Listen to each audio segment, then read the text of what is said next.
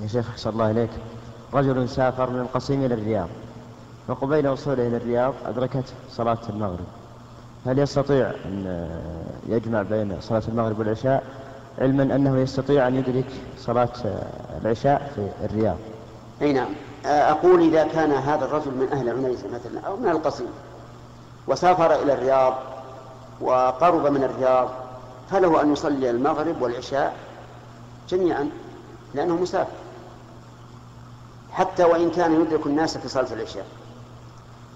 لأنه ربما يقول أنا إذا وصلت الرياض أكون متعبا وأريد الراحة وما أشبه هذا. يكون اجمع لكن السؤال إذا كان قد أقبل على بلده. وهو يعلم أنه يدرك الوقت الثانية في البلد. فهل يجمع؟ نقول نعم له أن يجمع. لكن ترك الجمع هنا أفضل لأنه سوف يصل إلى البلد في وقت يدرك فيه الصلاة الثانية في وقتها.